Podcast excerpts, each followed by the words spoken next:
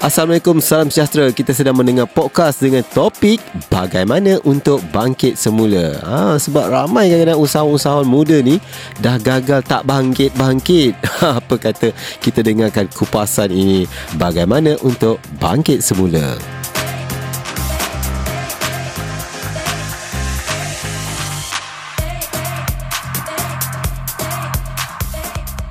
saya nak memperkenalkan uh, Muhammad Hakimi bin Gunawan dari Hakim Taylor. Okey, selamat datang Hakimi. Ha, ya, saya Muhammad Hakimi. Ha. Ah, selamat datang ke EFM eh.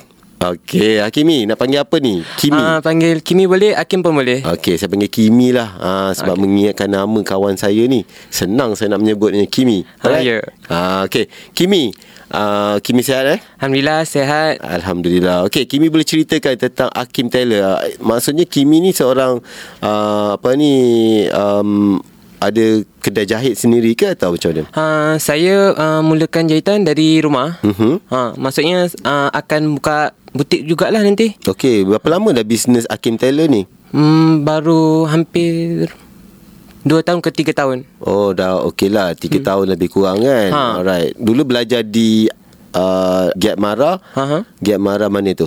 Ha, saya belajar di Giat Mara Tanjung Karang. Okey, Giat Mara Tanjung Karang. Okey, mana bila belajar uh, buat tu ambil kursus di Giat Mara Tanjung Karang? Hmm. Hmm, mu- pada tahun 2015 ke 16. Okey, berapa lama tempoh belajar? Ha. Ha, setahun. Dalam setahun jugalah. Ha. Memang minat menjahit ke? Ha, memang minat. Memang minat menjahit. Ha. Okey, bagus sebenarnya. Menjahit ni uh, adalah satu bidang yang orang kata kena kreatif kan? Ya, Ah, betul. sebab kalau orang tak minat ni susah.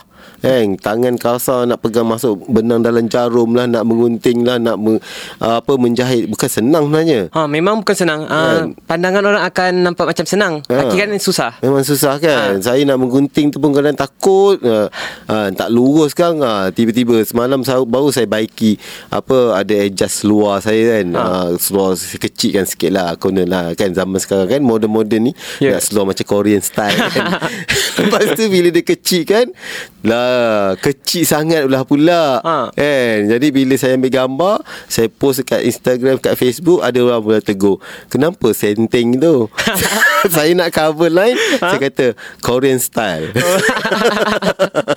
ha, kan? Jadi eh, tu saya hantarlah balik seluar tu ha, sebab Sebenarnya Sebenarnya Tak semua orang boleh buat kan Betul. ha, Semua or- Kena belajar benda ni kan? Tak- Bukan mudah nak menjahit ni sebenarnya Ha, memang bukan mudah. Uh, jahitan uh, dia kena dari minat, mm-hmm. lepas tu kena ada idea sendiri. Mm-hmm. Ha, Mhm. Kena dia kreatif kan Kena kreatif. Walaupun kadang-kadang pelanggan kata Oh saya nak macam ni Saya nak ha. Ha. macam tu Tapi akhirnya Hasilnya adalah daripada kita sendiri juga Betul. Alright Okay Di mana uh, Dah ada bengkel s- Apa ni Sekarang buat kat rumah Ha. Dan ada plan nak buka Butik. Kedai sendiri Ha, Butik ya. sendiri Di mana tu agaknya Kemungkinan uh, saya cadang di Shah Alam. Oh di Shah Alam hmm. Okay Jadi Nanti akan bila buka di sini Bila tu agaknya Hmm, mungkin dalam setahun dua lagi. Setahun dulu lagi lah So dalam perancangan lah ni Hmm. Ah, Ha. Mengumpul modal ke apa semua kan Ha, ya. Alright So sa- sekarang sambutan macam mana Sambutan uh, amat menggalakkan. Ha. Okey, bukannya kerana untuk apa buat dekat rumah untuk keluarga dan rakan-rakan dekat. Ah, bukan. bukan eh. Bukan. Semua boleh buka lah. Ah. Ah, sebab semalam saya interview seorang. Ah, okey. Ah, dia buat kat rumah bengkel kereta. ha, dia kata untuk keluarga dan rakan-rakan dia je. Oh. Ah, jadi kan orang luar tak boleh lagi kan. Ha, manalah tahu jahit pun macam tu. Ha, tidak. Tidak eh sebab dia tak mengganggu bunyi bising. tak. Tak, bunyi mesin tak bunyi tak kacau. Ah, tidak. Tak kacau eh Ha, uh-uh. Okey jadi bolehlah terbuka pada semua orang Kalau nak hantar jahitan pada uh, Hakim uh, atau Kimi Kejap lagi dia boleh kongsikan macam mana nak hubungi dia Eh Kimi ah, ya. saya nak tanya Pernah gagal berniaga? Um, gagal. Hmm. Setakat ni alhamdulillah tidak tapi hampir-hampir tu pernah.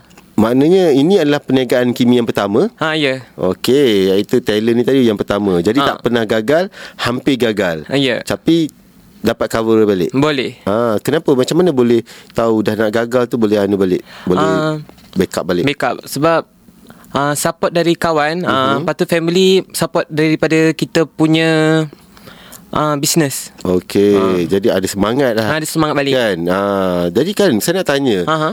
Kimi tak pernah gagal berniaga. Ya. Yeah. Kimi ada rasa tak sebab orang kata dalam perniagaan ni ada tempoh-tempoh fasa-fasa dia. Ha, betul. fasa pertama ah, mungkin 3 hingga 5 tahun tu adalah fasa yang mencabar. Kita nak membina jenama kita, nak Ha. membina bisnes tu kan. Itulah fasa yang selalunya orang tak boleh nak lepas.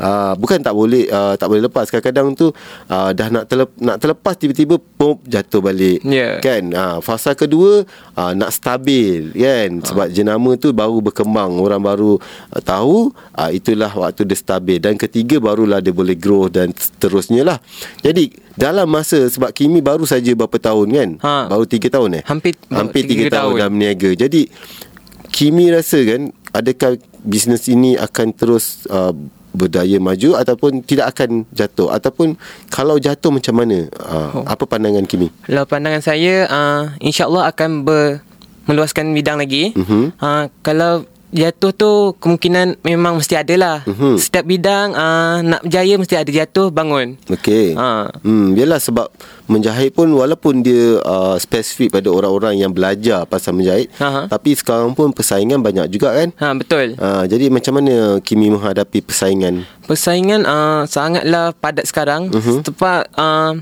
Jahitan memang hampir Kesemua yang ambil Mhm. ha. Kan? Jadi kalau macam Kimi uh, buat promosi, macam mana Kimi mempromosikan sebelah nak ken, nak beritahu orang yang kita ni boleh menjahit, Ha. kita boleh uh, buat yang terbaik sebab menjahit ni bukan sekadar menjahit, betul tak? Betul Ha, kadang-kadang kita jahit kita pakai baju orang pakainya tak selesa Ha, kan dah pakai betul-betul. sekali tak nak pakai dah. Ya. Ha, semua benda tu kena ambil kira kan. Jadi macam mana Kimi menghadapinya? Oh, kalau yang jahitan sebab saya akan teliti pada potong, Mhm.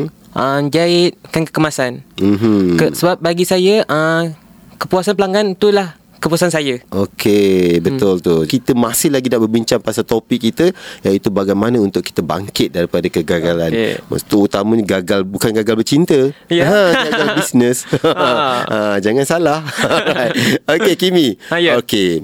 Apa sebenarnya kalau Kimi tengok eh Kimi tak pernah jatuh, Ha. tak pernah gagal. Hampir adalah kan. Ha, hampir, hampir. Tapi mesti ada ramai rakan-rakan di sekeliling Kimi pernah bercerita atau mengeluh ataupun uh, berkongsi dengan Kimi uh, fail tak bisnes dia orang fail lah apa ha. Ha. semua kan. Okey, sentiap se- kebiasaannya apakah penyebab mereka gagal?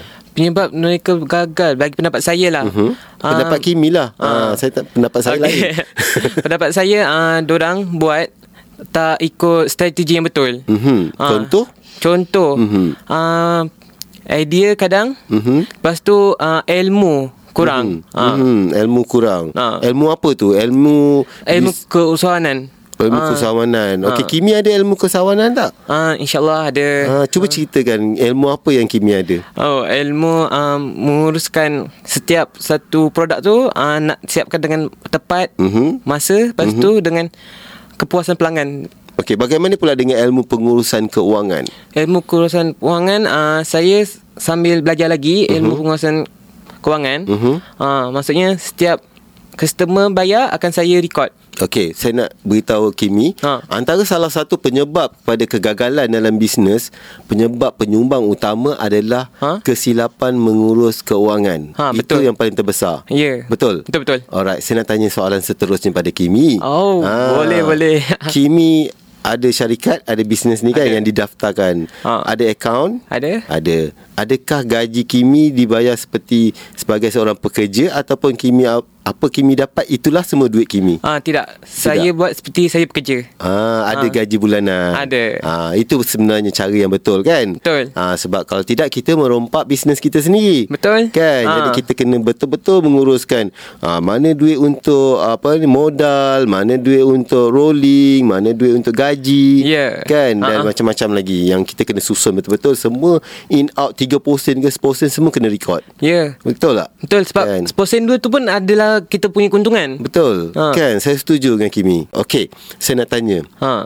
Selain daripada tadi kawan-kawan tadi yang uh, Kimi kata kawan-kawan Kimi adalah kerana silap pengurusan, Ah, ya. Ah. tak pandai management ha. ataupun okey selain tu macam mana pandangan Kimi kalau seseorang tu jatuh balik Hmm. apa yang mereka perlu lakukan untuk bangkit semula? Ha, mereka uh, kena semangat tu kena kuat mm-hmm. untuk semangat Mhm. bangun balik. Mm-hmm. Jangan kita dah jatuh mm-hmm. terus jatuh jangan. Kita Jangan. jangan. harus fikir masa depan kita balik. Mm-hmm. Ha, kalau jatuh tu kita jangan biar pandang benda belakang. Apa yang perlu kita lakukan? Ha, kita contoh satu bisnes kita tak boleh, mm-hmm. kita cuba bisnes yang lain. Mm-hmm. Maksudnya kemungkinan yang bisnes kita buat tu akan boleh naikkan kita balik. Betul? Ha. Mhm. Setuju? Mungkin kita benda tu bisnes yang kita buat tu kita tak ada ilmu kan? Ha, ya. Ah, mungkin bisnes yang lain pula mungkin ada kita ada ilmu, kita boleh perbaiki lagi. Ya, Di betul. Hmm. mana-mana kelopongan dia, kesilapan dia kita tambah baik balik. Boleh top up balik. Dan samping tu kita kena cari ilmu. Ya. Ah, banyak cara sebenarnya cari ilmu ni. Kita boleh cari mentor, kan? Hmm. Ha. Kita boleh cari melalui apa ni internet Ya, atau betul. kita bertanya dengan orang-orang yang berpengalaman Ya. untuk memberikan pendapat, pandangan ataupun kongsian yang boleh kita baik pulih bisnes tersebut. Ya. Kan? Ha. Ah, Sebab alright. Hmm, kita boleh ada tarik lagi. uh, mencari ilmu lagi dari dorang. Ah. Sebab dorang lagi banyak ilmu daripada kita. Yeah, so dia punya point is ilmu. Ya. Kan? Tak pernah habis. Hmm. Alright. Apa nasihat Kimi pada rakan-rakan yang sebaya ataupun yang lebih muda ataupun mungkin tua sedikit daripada Kimi yang sebenarnya dah gagal dalam bisnes Ah. tapi tak bangkit-bangkit. Apa nasihat Kimi pada mereka? Nasihat saya uh, kita harus bergerak ke depan, maju ke depan, jangan pandang belakang. Mhm.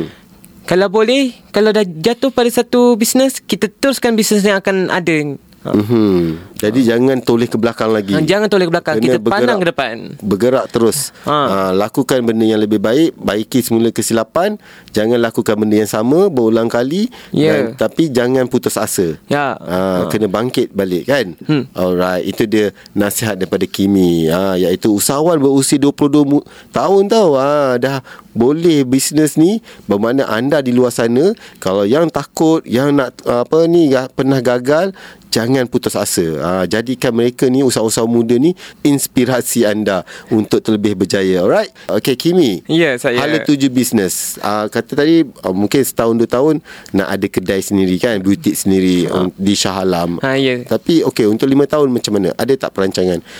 Untuk lima tahun, ah, Mungkin nak lebih dikenali atau bagaimana? Ah, perancangan saya memang ingin orang lebih kenali saya Hmm. punya mm-hmm. produk. Mm-hmm. Lepas tu saya nak buat keluar Hmm. mm-hmm. produk saya maksudnya ke luar negara. Wow. Ah. So jadi kenalah masuk fashion butik fashion, Ah, fashion show. ke apa kan. Ah, ya. Ah, yang boleh orang kenal ataupun Kimi ada tak macam konsep Kimi? Ada orang uh, buat uh, fashion dia suka konsep macam ni. Dia hanya buat fokus konsep tu je. Ah. Oh. Ah, untuk pengantin je contohnya kan.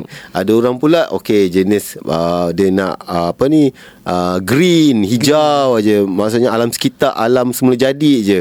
Ah, Kimi pula ada tak konsep-konsep Konsep tertentu? saya atau open tak kisah? Saya konsep open macam merojak lah semua saya ambil. Semua ambil ha. Ha. ha tak kisahlah. Tak kisah. Ha, tapi kalau mungkin ha, bila kita nak masuk fashion show nanti kita ha? kena ada satu uh, hala tuju kan? Ah, yes, Ah, saya. konsep macam mana sebab hmm. kita baru orang boleh jenama sebab tu ni namanya branding. Ya. Ha, orang kenal bila Hakim Taylor je orang sebut oh ha, dia suka jenis yang uh, pakaian yang uh, lebih kepada alam sekitar contohnya. Hmm. Ha kan itu namanya branding kan kat Ya. situ.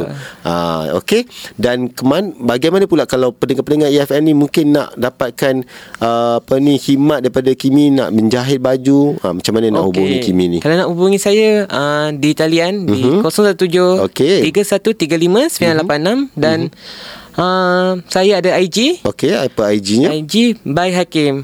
hmm? By Hakim. How to spell Macam mana ejaan dia B E A I Mhm. underscore A K I M. Hakim.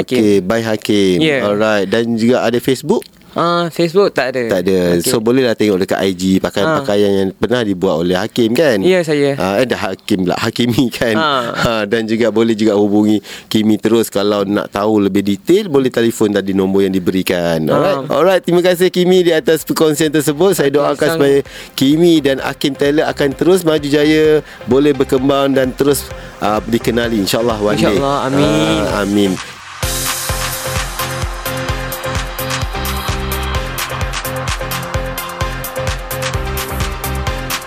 Itulah podcast Bicara Express yang telah disediakan oleh tim EFM. Teruskan bersama kami di episod E seterusnya hanya di efm.live for entrepreneurs by entrepreneurs.